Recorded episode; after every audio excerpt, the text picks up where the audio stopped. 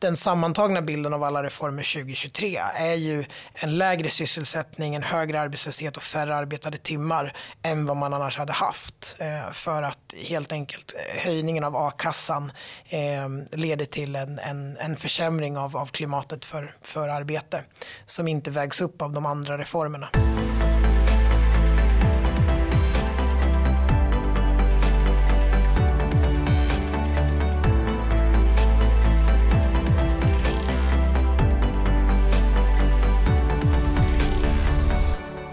Finansminister Elisabeth Svantesson har presenterat budgeten igår och för att analysera och kommentera den har bjudit in Skattebetalarnas egen chefekonom Erik Bengtsbo. Varmt välkommen hit till Uppskattat Erik. Tack så mycket. Eller varmt välkommen åter kanske man ska säga. Du har ju varit här förr.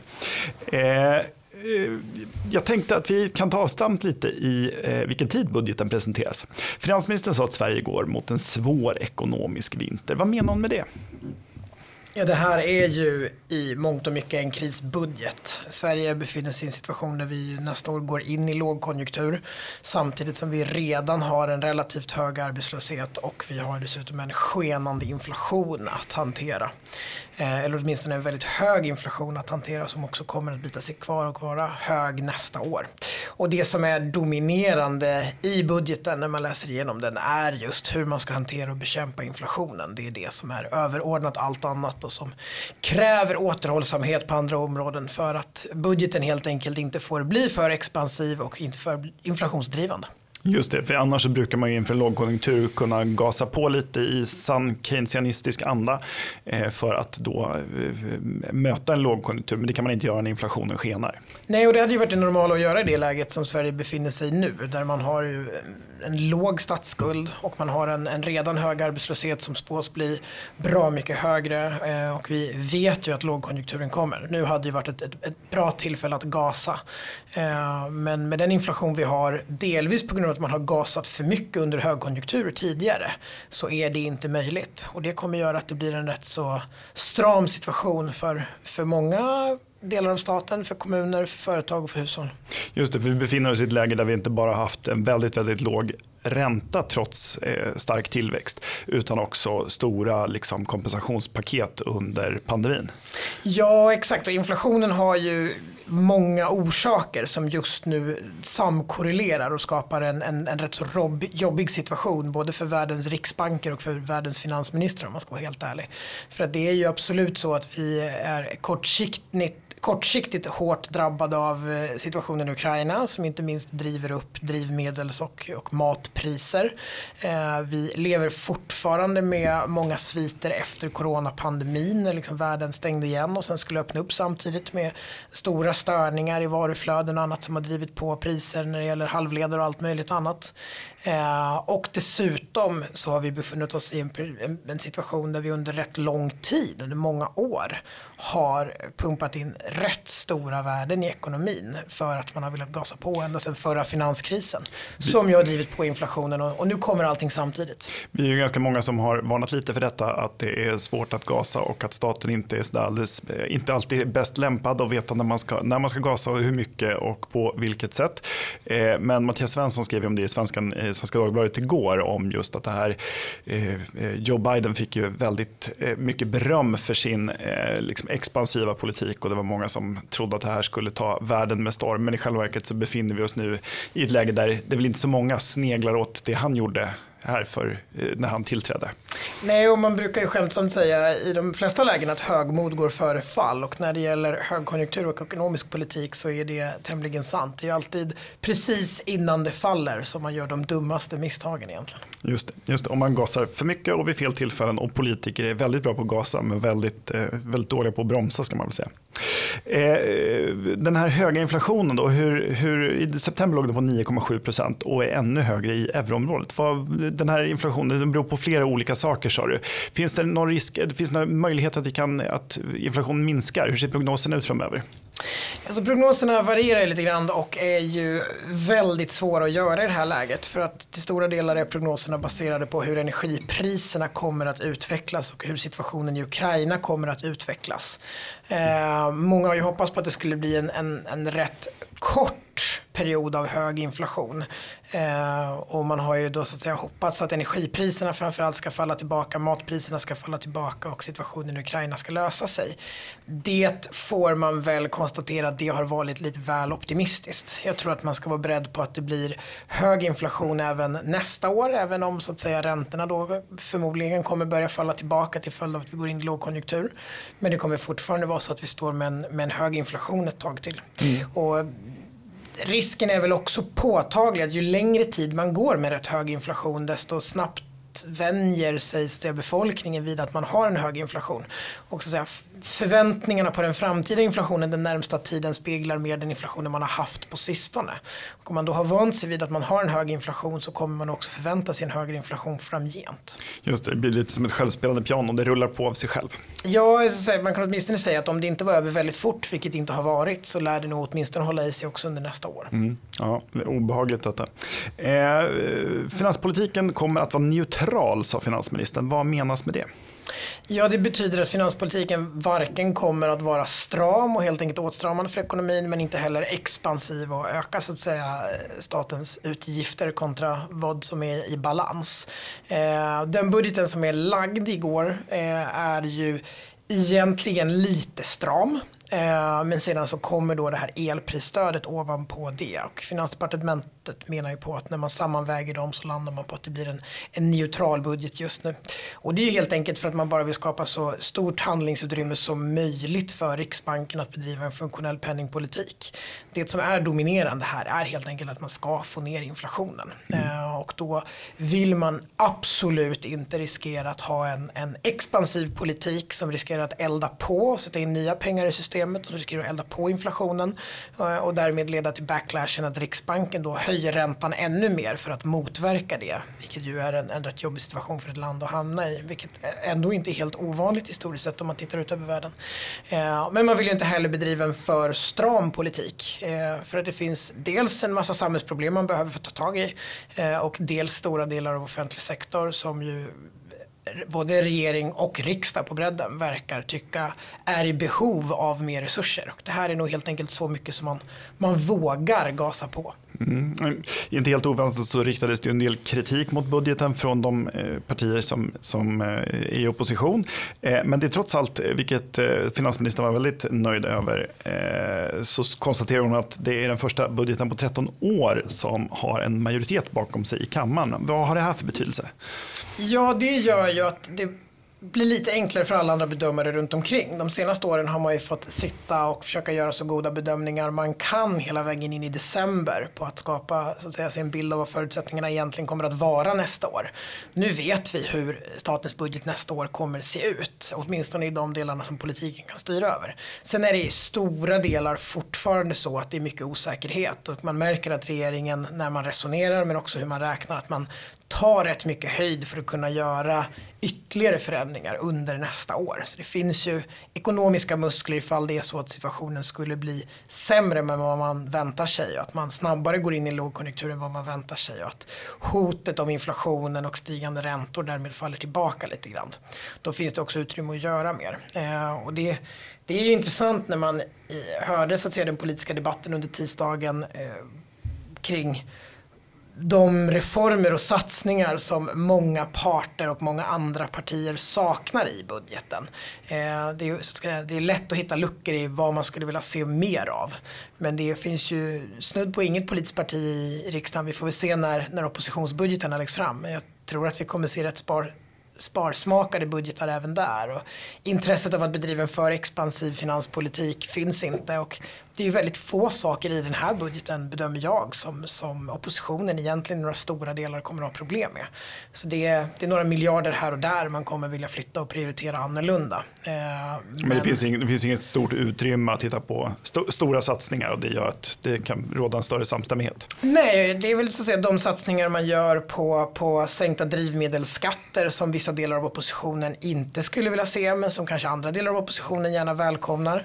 Eh, men de stora delarna i budgeten, de stora satsningarna i budgeten, de stora reformområdena i budgeten som man ändå väljer att prioritera med den, den smala väg man går.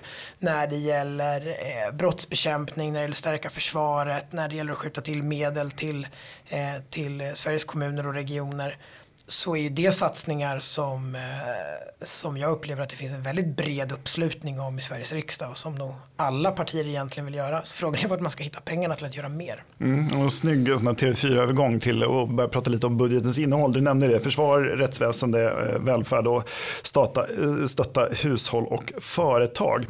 Eh, och det finns såklart mycket att prata om när det gäller den här budgeten eh, för en stat som då eh, omsätter mer än 1200 miljarder och då är kommuner och regioner inte inräknade. Eh, men jag tänker att vi ska dyka ner i några konkreta förslag som presenterades som, som ligger nära vårt och skattebetalarnas verksamhet. Eh, en sån sak som ju släpptes redan innan budget som helhet presenterades det var de här sänkta drivmedelskostnaderna. Det har talats om en krona sänkt skatt från nästa år, men stämmer det verkligen? Alltså det är en krona i skattesänkning på bensin och diesel kontra den nivån som annars hade gällt från 1 januari 2023. Men det är ju så med bensin och dieselskatten att den räknas ju upp automatiskt varje årsskifte i takt med eh, inflationen. Så att det, i realiteten så blir det 14 öre respektive 41 öre i skattesänkning kontra vad, vad dieseln och bensinen kostar idag. Eh, det där blir ju lätt en, en semantisk diskussion mm. för att det, så att säga, det är ju det är ändå det, det, det är ändå folk... en krona lägre så att säga när man räknar med momsallting än vad det annars skulle ha varit. Men det motverkas ju åtminstone i det politiska av att skatten per automatik ändå höjs rätt så kraftigt. Eh, och skapar ju rätt så underlig diskussion. Och framförallt så kan man ju konstatera att det för, för konsument i slutändan när man står och tankar sin bil så kommer det inte att göra någon enormt stor skillnad. Eh, utan eh, man tar ändå i med 7 miljarder och, och, och, gör den sänkningen så att säga. Eh, den blir rätt dyr. Eh, men det är ju bara att konstatera att drivmedelsskatterna är väldigt, väldigt höga. Det finns mycket mer att göra där och eh, jag kan nog tycka att regeringen borde ha vågat lite mer. Mm. Ja, nej, men som väljare är det lätt att få intrycket att det skulle bli kraftigt sänkta skatter men det, man kommer att få se alltså 41 öre på dieseln lägre än idag. Ja, precis. Och 14 på, på bensin då. Ja, och eftersom att vi har den reduktionsplikten som vi har som kräver inblandning av biobränslen som ju i dagsläget är väldigt beroende av världsmarknadspriser som styrs av eh, framförallt produktionen i Ukraina. Så, så länge vi har kriget i Ukraina och så länge man inte kan odla mark i Ukraina på det sätt som man har kunnat göra tidigare, vilket ju är åtminstone ytterligare en så att säga, skördesäsong bort, eh, så ska man ju inte ha några jättestora förhoppningar på kraftigt fallande dieselpriser i Sverige. Nej. Eh, men inblandningen ska minska här framöver, när sker det? Ja, man ska ju nu se över hur snabbt man kan få ner reduktionsplikten och målsättningen är ju att redan från då 1 januari 2024 vara nere på EUs miniminivå för reduktionsplikten. Och det skulle ju göra en, en rätt rejäl skillnad. Det skulle ju kunna sänka eh, dieselpriset med eh, ja, 5-6 kronor om man mm. jämför med vad dieseln kostar i, i, andra länder runt om i Europa. Sen är det inte alltid givet att det är så enkelt att göra den, den, den jämförelsen, men någonstans i det häradet. Just det, så det kan bli mer substantiella sänkningar av drivmedelspriserna helt enkelt därför att inblandningen minskar sen. Ja, och reduktionsplikten och inblandningen där eh, slår framförallt väldigt hårt just på dieseln. Mm. Så om man tittar på hur bensinpriset utvecklas, om man jämför det över tid, så ger det en bättre fingervisning över var dieselpriset skulle ligga mm. eh, om man tar bort reduktionsplikten. Just det, för det går helt enkelt att blanda in mer biodrivmedel i diesel än i bensin. Exakt och det är mm. enklare att göra. Så bensinbolagen föredrar att göra det för att det är lättare att plocka hem den förändringen där. så att säga. Jag som kör dieselbil tycker att det här är en sådär idé. Men... Ja, det, är ju, det är ju inte länge sedan så att säga, som dieselbilar ansågs vara ett miljövänligt och det billigaste alternativ. Ja. Och det var därför det var billigt och därför ja. köpte folk just dieselbilar. Och nu står man då med, med tredubblade drivmedelskostnader för de dieselbilarna som, som politiken ja. uppmanar den att köpa. Det är inte sällan det är så att man får starka direktiv eller incitament från politiker som sen eh, ändras ganska fort. Ja, men det är ännu värre med de som kör på biogasbilar tänkte ja. jag säga som knappt går att tanka längre. Nej, nej det var en riktig eh, soppatorsk. Eh, det, eh, en annan sak som har varit uppe i debatten som rör eh, bilar är ju eh, det här förändrade reseavdraget som väl alla partier utom Sverigedemokraterna tror jag var, stod bakom. Eh, och nu ska det förslaget rivas upp. Eller har jag fel där Erik? Nej men det stämmer. Man, eller det stämmer typ. Eh, man eh, gjorde ju en förändring och eh, har ju då så att säga tagit fram en, en ny modell för ett reseavdrag som istället för att eh, ersätta en för de kostnader man har för att ta sig till och från arbetet så skulle man helt enkelt få en, en skattereduktion baserad på hur långt man har till arbetet. Eh, och där man inte tog någon hänsyn alls till om, om, om man åkte med SL och betalade 900 kronor för ett månadskort eller om man körde bil och betalade 140 000 kronor om året för, för bensin eller diesel och ta sig till jobbet. Utan det var helt enkelt avståndet som skulle avgöra. Eh, och det där eh, har ju utretts under rätt lång tid. Vi har diskuterat det många gånger tidigare eh, och det eh, har ju varit på politiskt rätt kontroversiellt och en het potatis. Och när det klubbades igenom i riksdagen så var Sverigedemokraterna de som var emot. Moderaterna hade ett motförslag där man menade på att man kunde väl bibehålla bägge systemen parallellt eh, eftersom att regeringen menade på att det skulle vara kostnadsneutralt och gå över till, till det nya avståndsbedömda. Men nu har man då alltså istället valt att riva upp det beslutet eh, om att gå över till det avståndsbaserade eh, och istället då bibehålla det gamla reseavdraget men eh, höja ersättningsnivån i det. Precis så som regeringen föreslog i våras att man skulle göra. Även då även om man gick över till det nya avdraget. Så Just det. Och du skällde lite på Twitter igår på var det SVT eller SR som skrev att det här skulle gynna bilister. Varför var du så kritisk? Det var Sveriges Radio som hade ett inslag i måndags om, eh, om hur den här förändringen då missgynnar tågresenärer och gynnar bilister. Eh, och då menar jag på att det är, då har man en så statisk bild av en, en politisk reform att det blir snudd på ohederligt. Eh, alltså det, det resavdraget vi har idag då får man eh, en skatt, eh, får man göra skatteavdrag för alla resekostnader man har årligen som överstiger 11 000 kronor. Eh, och det betyder att om man är en, en medelinkomsttagare och som har en marginalskatt på 32 procent och man har eh, en kostnad på att ta sig till och från jobbet på 30 3 000 kronor, ja då får man 7 000 kronor i sänkt skatt ungefär. Ehm, så det är helt enkelt vilken kostnad man har att ta sig till och från jobbet. Och i det här inslaget i Sveriges Radio så jämförde man då folk som pendlade från Eskilstuna till Stockholm med att det skulle då bli mer gynnsamt nu att åka bil och man fick känslan av att det var bilisten som var gynnad i det här. Men i realiteten så har den personen som kör bil från Eskilstuna till Stockholm för det första inte rätt till något reseavdrag överhuvudtaget för man ska göra minst en tidsvinst på två timmar per dag för att få göra det. Medan den som åker tåg samma sträcka får ungefär 7000 kronor i lägre skatt varje år. Ehm, och eh, om, om, om bilisten ens skulle få göra reseavdrag för den sträckan så skulle bilisten få ett, ett reseavdrag, en skattesänkning eh, på 25 000 kronor om året men man skulle fortfarande ha kostnader på 120 000 för att ta sig till och från jobbet. Så det är fortfarande så att det är 100 000 billigare att åka tåg ja. eh, än att åka bil på samma sträcka och då tycker jag att det blir snudd på ohedligt att ge sken av att det skulle vara så att den som betalar det är gynnad. Jag tycker att vi kan stryka snudd på. Jag tycker nog att det är ett ohederligt resonemang. Eh, en annan fråga som varit hett omdebatterad, ja, omdebatterad är de här höga energikostnaderna som vi lär väl få även i vinter om det inte blir särdeles varmt. Eh, vad gör regeringen då för att stötta de här hushållen som, som drabbas extra hårt av detta? Alltså, dels så gör man en, en, en hel del saker som sker automatiskt. Alltså, prisbasbeloppet räknas upp vilket gör att eh, studenter, garantipensionärer och andra så att säga får, får täckning för inflationsökningen. Eh, man räknar också BRICS-normen vilket gör samma sak för människor som lever på ekonomiskt försörjningsstöd.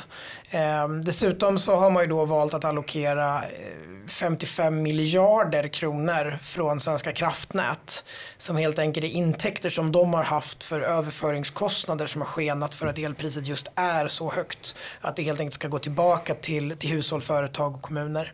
Eh, och hur långt det räcker, det stödet ska man ju också då klart för sig. Det är retroaktivt till året som har varit. Eh, och hur långt det räcker får man väl se eller om det kommer finnas behov av ytterligare åtgärder. Det beror helt enkelt på hur, hur elpriset utvecklas. Man eh, har ju i den här budgeten aviserat att man är villig att skjuta till ytterligare resurser eh, i egenskap av ett par miljarder till företag som har särskilt så att säga, höga elkostnader som är särskilt beroende av el. Eh, olika produktionsföretag eh, för att man helt, helt enkelt ska kunna upprätthålla sin, sin, eh, sin verksamhet. Men poängen med det, det elstöd man nu har tagit fram och som är baserat på det senaste årets eh, elpriser och förbrukning eh, är ju att man säger att det helt enkelt ska vara så att det inte leder till att man inte vill spara på el den kommande vintern. Man vill inte ta bort prismekanismen som höga priser innebär. Utan om priset blir dyrt i vinter då vill man helt enkelt att då måste människor hålla igen och därför vill man inte utlova något elprisstöd framgent. Men med tanke på att överföringsavgifterna har betydit sådana enorma inkomster för Svenska kraftnät det, det, det gångna året. Det är upp mot 100 miljarder som man har samlat in och sen har man ju då så att säga använt de resurserna för att, för att sänka elpriserna och nu använder man då väldigt mycket av de resurserna för att direkt kompensera elkunderna. Men får vi en liknande situation denna vinter som vi hade förra vintern så kommer ju alltså fortsatt intäkterna i Svenska kraftnät att skena och hushållen och företag kommer tycka att det är väldigt, väldigt jobbigt. Jag har svårt att se att eh, med tanke på att den förra regeringen tog fram ett elprisstöd som fick stöd av de här regeringspartierna som man sen förlängde och sen kom det här då tredje elprisstödet nu via Svenska kraftnät. Blir det en ohållbar situation även den kommande vintern så har jag svårt att se att man kommer att ha något att val. Nu har man satt en bild av att man minsann kliver in och räddar. Eh, och det är ett lite farligt prejudikat att sätta. Eh, men jag tror att det är nog tyvärr något som många hushåll räknar med. Mm, just det. Ja, det är en, eh, en lurig sits att vara i en del beror ju på, eh, eller väldigt mycket beror på, inte bara kriget i Ukraina som är naturligtvis en del förklaringen, utan också att vi har lagt ner fullt fungerande kärnkraft och sådär. Men, eh, och det är svårt att komma till rätta med på kort sikt. Vi kan inte stoppa kriget alldeles själva och vi kommer inte kunna smälla upp nya kärnkraftverk i, eller ens vindkraftverk i brådrasket. Vad finns det för kortsiktiga saker man skulle kunna göra? Alltså det man kan göra är att man kan ju dels försöka så att säga, optimera sin energiförbrukning så gott det någonsin går förbruka el när det helt enkelt finns ett överskott av el eh, och styra om så att säga, verksamheter i den riktningen. Det är ju lätt att säga för många men svårt att göra i verkligheten för, för många hushåll och framförallt företag. Eh, men det man kan göra också är att man kan ju se till att man ökar på all annan kraftproduktion man har eh, och se till att man helt enkelt får ut mer kräm ur, ur avfallsförbränning och kraftvärmeverk och fjärrvärmeverk för att helt enkelt minska belastningen på elen. Eh, och det var var ju förra regeringen inne på trots att man då införde en avfallsförbränningsskatt som ju eh, gjorde det svårare och har lett till mindre kraftproduktion i Sverige. Eh, man var inne på att man kanske konstaterade att det var ett misstag att man borde riva upp det och det är väl kanske också det tydligaste och bästa förslaget i den här budgeten att man faktiskt river upp den av avfallsförbränningsskatten som ju är en direkt kontraproduktiv skatt och som ju egentligen inte fyller någon annan funktion än att dryga ut statskassan med ett par hundra miljoner. Just det, och vi var väldigt kritiska när den in, infördes och till och med utredaren själv sa väl att den här var meningslös ur klimatsynpunkt. Ja. Eh, så att det var väl en, en synnerligen dålig idé från början. Eh, vi har ju kritiserat regeringen lite för att arbetslinjen inte stärks tillräckligt. Likväl så var det någonting som finansministern framhöll att det ska skapas fler jobb och fler ska jobba mer. Vad är det som ändå har gjorts? Ja, men alltså, ska göras snarare. Budgeten är, är full av intentioner om sänkta skatter på arbete, sänkta skatter på sparande, sänkta skatter på pensioner och sänkta skatter på företagande. Och också väldigt många läv, vällovliga resonemang om eh, att minska regelbördan för företagande och se till att skapa bättre förutsättningar för tillväxt. Och det är oerhört välbehövligt. Sverige har alltså världens femte högsta skattetryck, eh, bland Europas högsta arbetslöshet och ett, ett utanförskap och en, en, en självförsörjningsgrad som är alldeles för låg. Så vi behöver fler växande företag, vi behöver fler människor som arbetar fler timmar för att vi ska kunna fortsätta bibehålla en bra plats i välståndsligan och helt enkelt vara ett, ett rikt och framgångsrikt land i framtiden. Eh, men däremot när man tittar på i sak vad den här budgeten innehåller så är den ju väldigt stram och återhållsam och man har ju istället valt att prioritera helt andra reformer. Man skjuter till en del resurser eh, för att utöka delar av vuxenutbildning medan man å andra sidan gör neddragningar på andra delar av arbetsmarknadspolitiken som man menar är, är dysfunktionell vilket jag skulle säga är en helt korrekt bedömning. Det finns massvis med arbetsmarknadsutbildningar i Sverige som, som eh, inte leder till några goda resultat. Och det är ju snarare standard att Arbetsförmedlingen skickar tillbaka pengar till staten som man inte förbrukar. Så det är klart att kan man styra om det till komvuxplatser och annat som verkligen gör nytta så är det nog, eh, nog alldeles utmärkt. Eh, man inför också till jobbskatteavdrag för den som är i pensionsålder men fortsätter att arbeta. Det har också positiva sysselsättningseffekter. Eh, men man väljer ju också att bibehålla a-kassan på en permanent högre nivå. Eh, det som var en, en tillfällig höjning under coronakrisen som man istället nu har valt att permanentera. Eh, och regeringen konstaterar och Finansdepartementet konstaterar ju själva i budgeten att den sammantagna bilden av alla reformer 2023 är ju en lägre sysselsättning, en högre arbetslöshet och färre arbetade timmar än vad man annars hade haft. Eh, för att helt enkelt eh, höjningen av a-kassan eh, leder till en, en, en försämring av, av klimatet för, för arbete som inte vägs upp av de andra reformerna. Eh, sen är det klart, vi går ändå in i en lågkonjunktur så det är ändå inget, inget fantastiskt läge att justera ner a-kassan. Eh, men det är en synd som man har genomfört tidigare som man nu får leva med och som eh, jag hoppas att regeringen verkligen, verkligen tagit höjd för. För man kommer vara tvungen att anstränga sig något enormt de kommande budgetarna. Med en avsevärt mycket mer ambitiös arbetsmarknadspolitik med rejäla strukturreformer för att se till att fler människor kommer i arbete. Eh, och just att man väljer att permanenta a-kassan på så hög nivå samtidigt som man inte gör några åtgärder för att då göra det lönsamt för den gruppen att, att gå in i arbete istället. För att göra den relativa skillnaden större. Ehm, så blir det väldigt svårt. Man hade ju behövt komplettera det åtminstone med ett rejält jobbskatteavdrag på låga inkomster eller någonting för att skapa ändå liksom starkare drivkrafter. Det är på marginalen det påverkar men det är också på marginalen man måste göra skillnad. Mm. Eh, och det här är väl, eh, utan att försvara eh, någon så kan man väl konstatera att det blir så här när fyra partier ska samarbeta och, och det finns någon som har väldigt starka krav men det där, i, i allt väsentligt så, så drar det åt lite olika håll när man gör så här. Ja, det har ju regeringen varit öppen och ärlig med. Det finns ju partier som har beskrivit det här som en stor seger och andra ja. som har beskrivit det som den stora förlusten i de här budgetförhandlingarna förhandlingarna. Ja, och vi hade väl gärna sett att arbetslinjen hade stärkts ytterligare utan att ta eh, partipolitisk hänsyn. Då. Eh, de här strukturreformerna som behövs, eh, en sak som vi har diskuterat internt är en bidragsreform. Vad skulle en bidragsreform, vad skulle den innebära mer konkret? Alltså det det handlar om är ju att se till att man skapar stabila förutsättningar som gör det mer lönsamt att studera och ta ett arbete och ta sig in på arbetsmarknaden än att fortsätta leva på bidrag och ersättningar för den som har hamnat där. Ehm, det är dock rätt knepigt att utforma i sak så det kräver ju rätt mycket arbete. Och den stora och viktiga biten handlar ju framförallt om att sänka skatten på låga inkomster så att den relativa skillnaden blir större. Ehm, det finns absolut enskilda exempel där eh, man kan stapla ersättningar och bidrag ovanpå varandra och får ut rätt höga ersättningar. Och det eh, behöver man absolut se över om det verkligen är en god väg. Men de flesta bidrag och ersättningar i Sverige är ändå relativt låga. Eh, så några stora sänkningar tror jag inte att det är det som man egentligen kommer att landa i. Utan då kräver det snarare att man ökar skillnaden genom att göra det billigare att anställa genom att sänka arbetsgivaravgifter och, och sänka eh, skatter på arbete så att man helt enkelt kommer in. Det är det som gör den stora skillnaden. Just det, men man ska, ja, precis. Eh, och i ganska många fall så handlar det också om eh, barnbidrag och flerbarnstillägg. Och det, flerbarnstillägget kan man väl förvisso avskaffa men det är svårt att dra in bidragen i stor utsträckning för barnfamiljer. Det är väl, det är väl framförallt barnfamiljer som står långt ifrån arbetsmarknaden där det blir riktigt svårt. Det är där det blir riktigt svårt och det är också där man behöver få, få till bäst ja. och mest träffsäkra åtgärder. Ja, och det där kommer inte vara... Det är lätt att säga att det alltid ska löna sig mer att arbeta än inte. Men tekniskt så är det lite klurigt att komma fram till hur man ska göra det på ett vettigt och bra sätt. Ja, det kräver sitt arbete mm. och se till att det verkligen blir välbalanserat. Um, men det, vi har ju alldeles för höga ersättningar ja. och det råder ingen tvekan. Uh, men att hitta rätt balans på det där är uh, inte helt lätt i ett, ett högskattesamhälle som Sverige. Nej, och det, men det är icke för väldigt, väldigt viktigt. Uh, men, men som sagt svårt. I budgeten uttrycks en önskan om att sänka skatten på arbete för att sysselsättningen ska öka. Och det uttrycks också att den statliga skatten ska minska om det finns finansiellt utrymme. Finansministern sa under pressträffen att regeringen och Sverigedemokraterna vill sänka skatter för låg med, och medelinkomsttagare.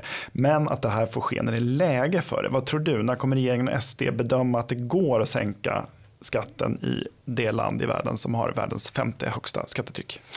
Det är en bra fråga och det beror ju helt och hållet på hur den ekonomiska situationen i våran omvärld nu utvecklas. Men med goda och gynnsamma förutsättningar går vi in i en lågkonjunktur nästa år. Inflationen faller tillbaka, räntan faller tillbaka och då finns det goda möjligheter att faktiskt driva på eh, för en, en, en, en mer tillväxtorienterad politik redan i budgeten för år 2024.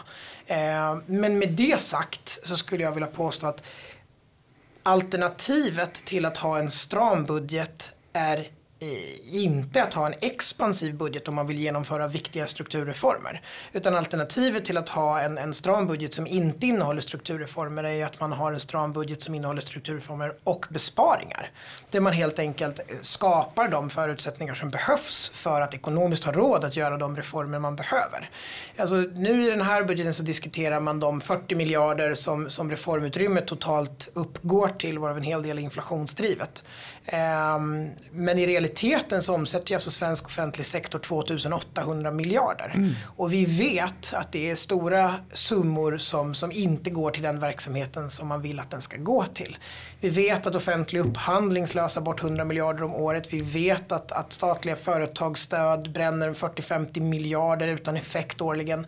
Det finns ju stora områden där man skulle kunna sänka offentlig sektors kostnader utan att kapa på det som är offentlig sektors kärnverksamhet och samtidigt därmed skapa utrymme att faktiskt genomföra de strukturreformer som behövs för att få en mer välfungerande arbetsmarknad, sänka skatten på låga inkomster, göra det mer lönsamt att jobba, göra det mer lönsamt att utbilda sig. Eh, men också genomföra reformer för att göra det mer lönsamt att starta och driva och få sina företag att växa och få en bättre fungerande bostadsmarknad. Alternativet är ju inte att invänta bättre ekonomiska tider. Alternativet är att skapa ett budgetutrymme själv genom att helt enkelt veta var någonstans man ska göra besparingarna. Och det är ju en möjlighet som den här regeringen har att göra oavsett om man går mot hög eller lågkonjunktur nu är det ett läge nästa år när vi kommer gå in i en lågkonjunktur, vi är förmodligen redan där nu, eh, där eh, många hushåll, många företag, stora delar av offentlig sektor kommer vara tvungna att dra åt svångremmen. Det är ett alldeles utmärkt tillfälle att faktiskt också ta och sanera och gå igenom vilka kostnader är det vi har där vi inte får pang för pengarna. Vart någonstans skulle man behöva justera? Eh, vilka saker eh, är det staten gör som man faktiskt inte borde göra överhuvudtaget för att man inte får effekt för det och det inte leder det till man, till man önskar önskar. Eh, och vart någonstans skulle man kunna göra effektiviseringar och lever leverera lika bra eller kanske till och med bättre välfärd till medborgarna men för en lägre kostnad. Eh, det är ju idag så att när det gäller kostnader för, för allt från skola till äldreomsorg så kan det diffa liksom 50% mellan kommuner utan att någon kan förklara varför det är dyrare eller billigare i en annan kommun. Det är ju inte rimligt. Det är oerhört stora resurser som, som Går om eh, intet. Som går om intet och som istället skulle gå att använda till att både stärka välfärden och genomföra rätt välbehövliga strukturreformer. Så det är någonting man ska använda krisen till när man inte har nya så att säga eh, fräscha pengar. Nya fräscha pengar i egenskap av reformutrymme som kommer av bara ekonomin växer. Så är det ju att verkligen sätta sig och gå igenom detta.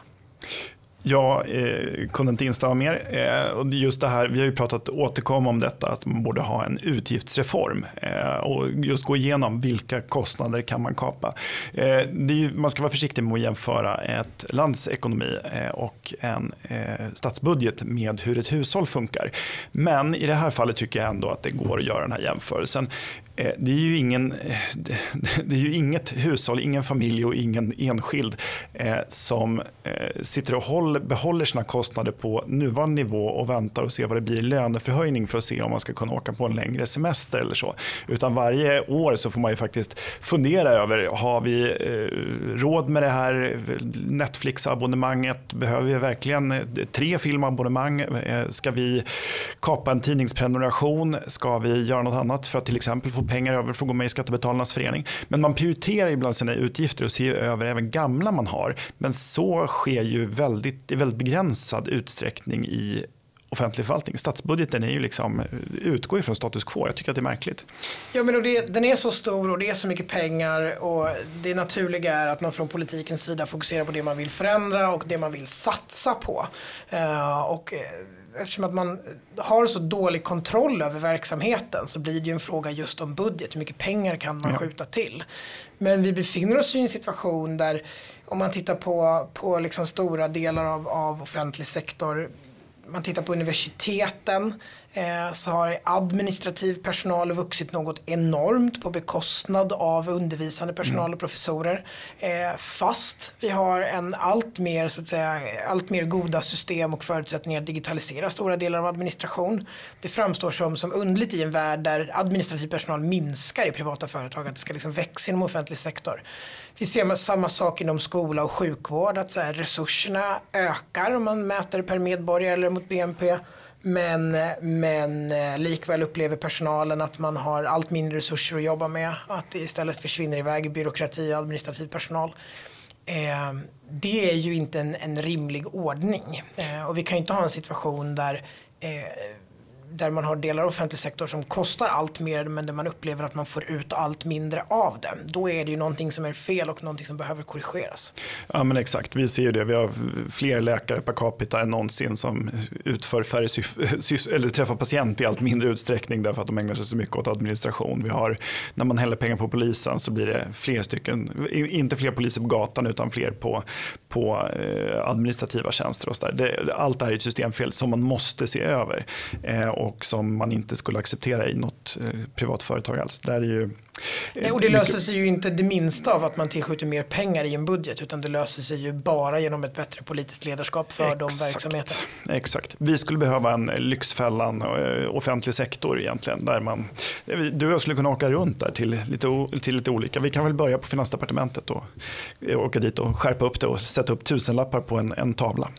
En eh. statssekreterare med ansvar för minskat slöseri. Ja, det... Där, Eh, där har ni ett tips till nästa regeringssammanträde. Ja, det vore fint. fint.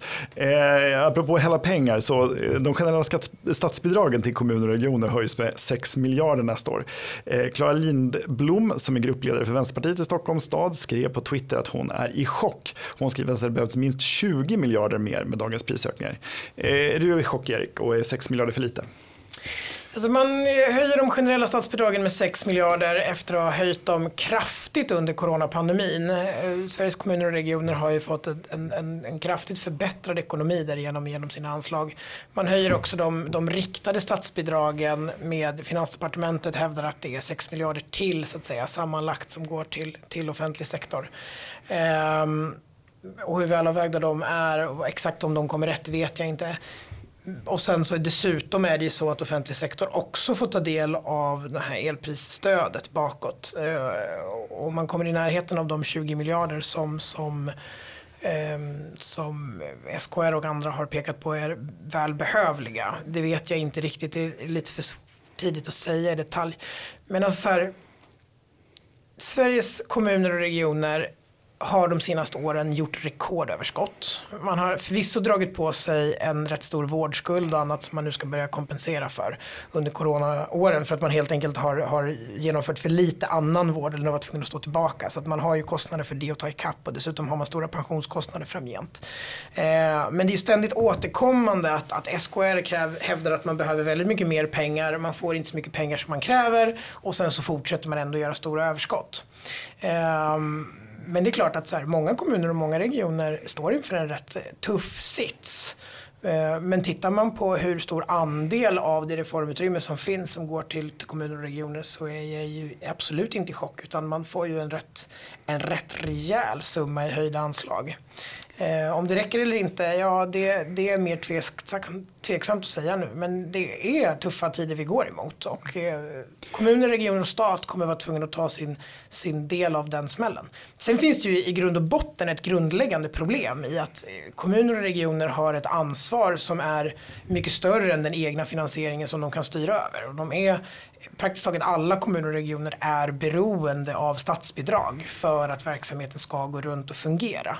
Eh, och samtidigt så väljer då staten eh, att rikta statsbidragen på enskilda åtgärder här och där eh, med dessutom så att säga ettåriga eller möjligtvis fleråriga så att säga, stöd. Vilket gör att det blir helt omöjligt för kommuner och regioner att planera sin verksamhet. Ehm, så att eh, man, det man skulle göra och det som verkligen vore välbehövligt vore att rensa upp bland alla riktade statsbidrag och ersätta dem med generella statsbidrag för att se till att man får en, en rimlig situation och se över vad är det kommuner och regioner ska, ska göra och vad ska de finansiera.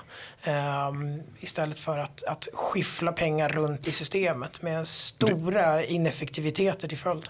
Ja, just det. För det där är ju ganska populärt att man gör en eh, X miljard eller en Y-miljard eller några hundra miljoner man ska satsa på något särskilt område. Och så går det här i riktade statsbidrag och då kräver det en organisation i regioner och i kommuner för att kunna ta emot de här pengarna och redovisa hur man använder de pengarna.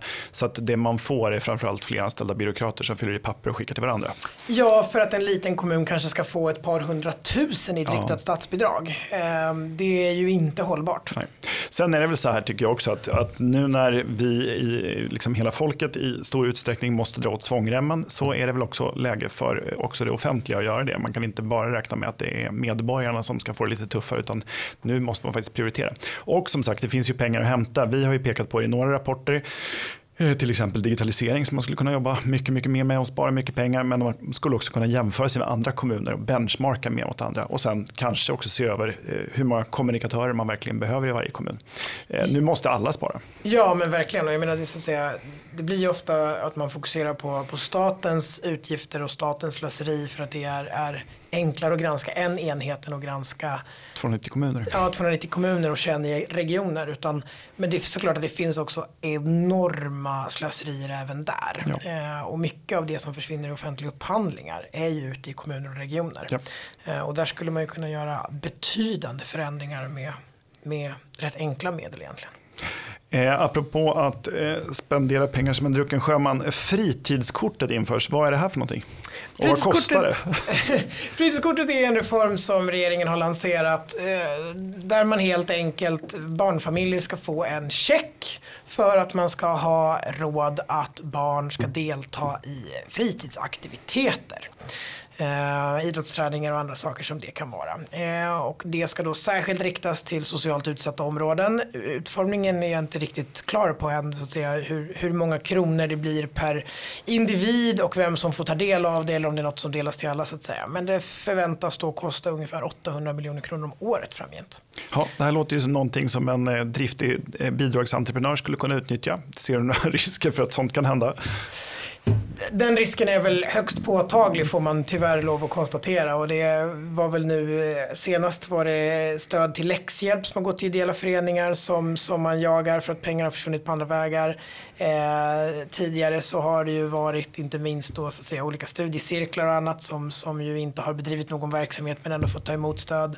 Eh, och den här typen av, av stöd är ju lite tveksamt på så sätt, det får man väl ändå lov att erkänna. Så här, vi vet att vi har problem med att, att den här typen av system missbrukas. Ändå så tycker vi ständigt att det är roligt att titta på nya sådana här system i Sverige. Och man gör ingenting åt problemen i de gamla systemen? Eh, nej, man får istället jaga i efterhand. Men att få tillbaka de pengarna brukar ju vara svårt av konkursade föreningar där pengarna har slussats någon annanstans. Ja, och där många av föreningarna drivs av, eh, liksom det, det, är ett fåtal individer som driver väldigt många organisationer med väldigt liknande verksamhet med breda, breda områden som ska, det är allt från att liksom förbättra klimatet till att förbättra demokratin till att förbättra integrationen. De tar emot hundratusentals kronor och sen så eh, lägger de ner föreningen när de börjar granskas. Det, är ju, det här är ju inte optimalt. Expressen har en, en Eh, lång bra skrivning om detta eh, i, i, har haft det i dagarna eh, och det är rätt provocerande.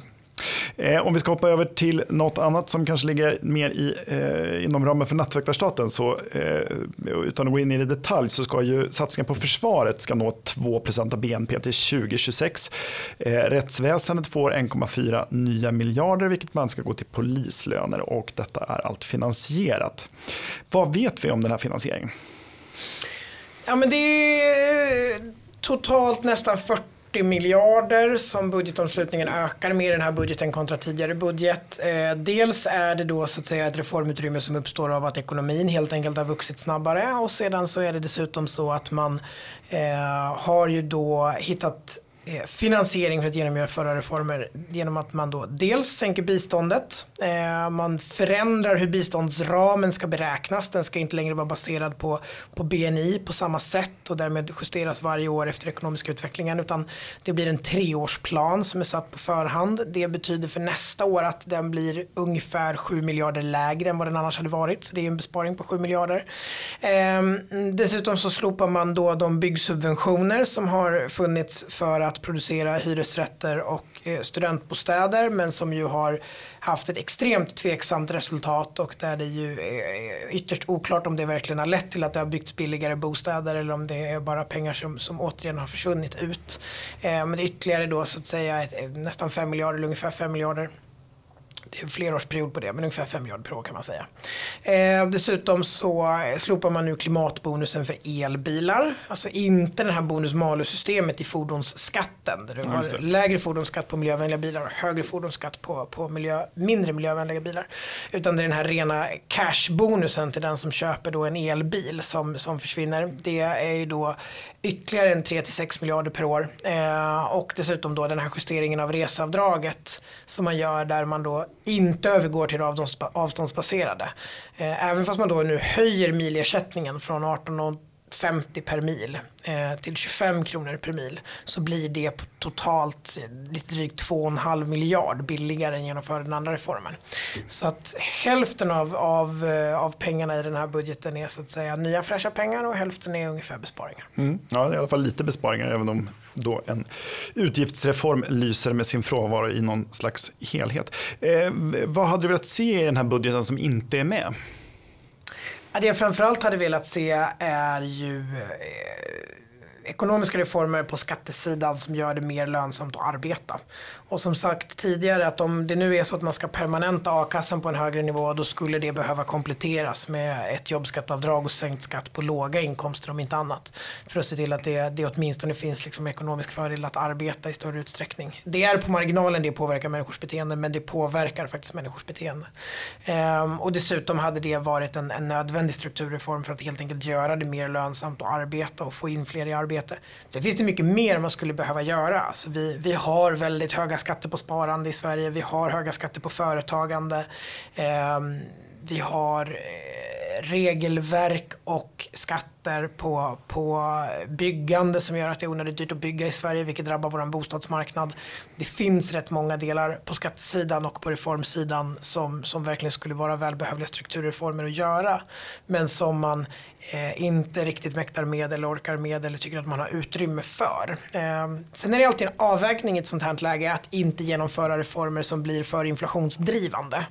Eh, men att exempelvis rikta ett jobbskatteavdrag till de som har lägst inkomster eh, skulle ju så att säga ge andrum till den gruppen men inte på ett sådant sätt att det skulle vara särskilt inflationsdrivande. Nej, och likaså så kan det väl knappast driva inflationen att man eh, sänker skatten på sparande. Nej, eh, det borde det verkligen inte göra. Sen kan man ju då i det här läget eh, som regering eh, säkert tänka att eh, svenska folket har haft ett rekordhögt sparande under pandemin. För mm. att man har inte eh, gått ut och ätit, man har inte åkt på semester, man har eh, gjort färre roliga saker än vad man annars har gjort. Och svenskarna har faktiskt sparat mer än någonsin.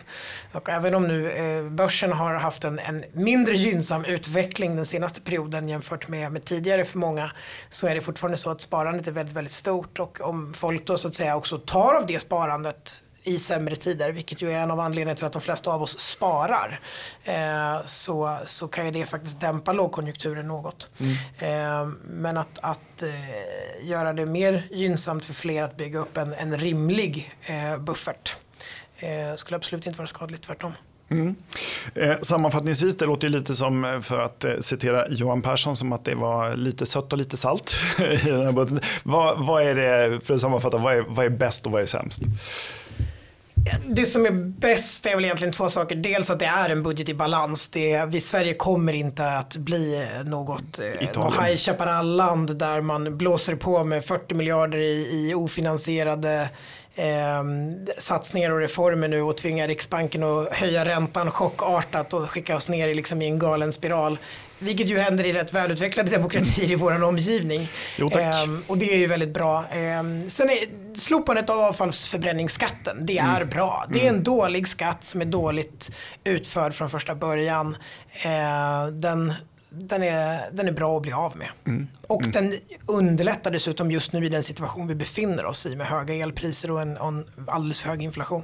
Det bidrar till att dämpa det, det är bra. Mm. Och sen så har vi väl, och vi var inne lite på vad som, vad som var sämst eller vad vi, vad vi saknar. Men nu hoppas jag väl mest då på att man ska kasta det här förslaget om en exitskatt i papperskorgen så fort den utredningen är klar. Ja, den utredningen skulle man ju kunna ta och slänga i papperskorgen från direkten och, ja. och lägga ner det. För vi vet ju att det inte kommer någonting bra ur det. Eh, och det som är sämst i budgeten, ja det är väl, det är väl de saker som inte är i budgeten ja. i stor utsträckning. Eh, både avsaknaden av, av ett jobbskattavdrag eh, som skulle göra rätt stor skillnad. Eh, men också slopandet av en del andra korkade och dumma skatter som inte har fyllt någon funktion. Man hade i det här läget kunnat passa på att göra sig av med plastpåseskatten och kemikalieskatten och lite Ja. andra saker som vi ju vet är kontraproduktiva, som vi vet inte fyller någon funktion utan som bara ställer till med onödig regelbörda för, för företag och konsumenter. Det hade man kunnat hiva ut och det hade ingen saknat efter en vecka. Nej, och det var dåliga förslag från början och eh, de, de, borde, de borde aldrig ha genomförts och nu borde de tas bort istället. Eh, det är ju inte en budgetfråga, men kan vi tro och hoppas att man eh, skippar det här förmögenhetsregistret som varit på tal. Alltså det är en st- eh, risk att man, ska, att man ska registrera förmögenheter, vilket ju försvann i och med att förmögenhetsskatten försvann.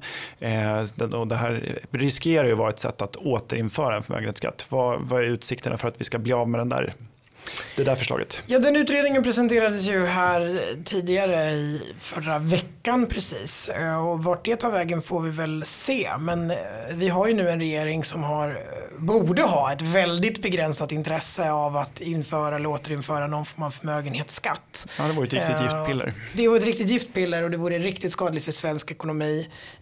Och mycket av de, de framgångsrika startups och företag vi har sett i Sverige under de senaste åren har ju kunnat etablera sig, stanna och växa i Sverige för att vi inte har haft den typen av skadliga skatter som historiskt sett har drivit företag ut ur Sverige.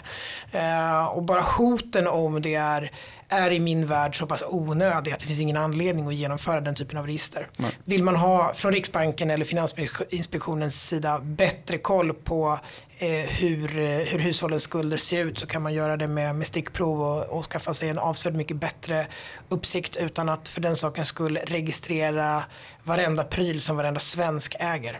Nej, det vore riktigt farligt. Och för den händelse att någon riksdagsledamot eller någon som eh, sitter i regeringen eller jobbar för regeringen eh, har frågor om detta så rekommenderar jag varmt eh, det avsnitt vi har haft tidigare med Amanda Wollstad om just eh, förmögenhetsskatten och arvs och gåvoskatterna. Eh, Erik, jag tror att vi nöjer oss där. Vi har pratat ganska länge. Oerhört intressant och spännande detta. Eh, den nya regeringens första budget. Eh, vi ska följa detta med spänning framöver och vi får säkert anledning att återkomma i flera av dessa frågor. Stort tack för att du kom. Tack så mycket. Eh, uppskattat, det är en podcast från Skattebetalarnas förening. Vi arbetar för låga och rättvisa skatter, rättssäkerhet för skattskyldiga och minskat slöseri med skattepengar. Vi bildar opinion och folkbildar i skattefrågan. Och vi lever som vi lär och tar bara emot frivilliga bidrag.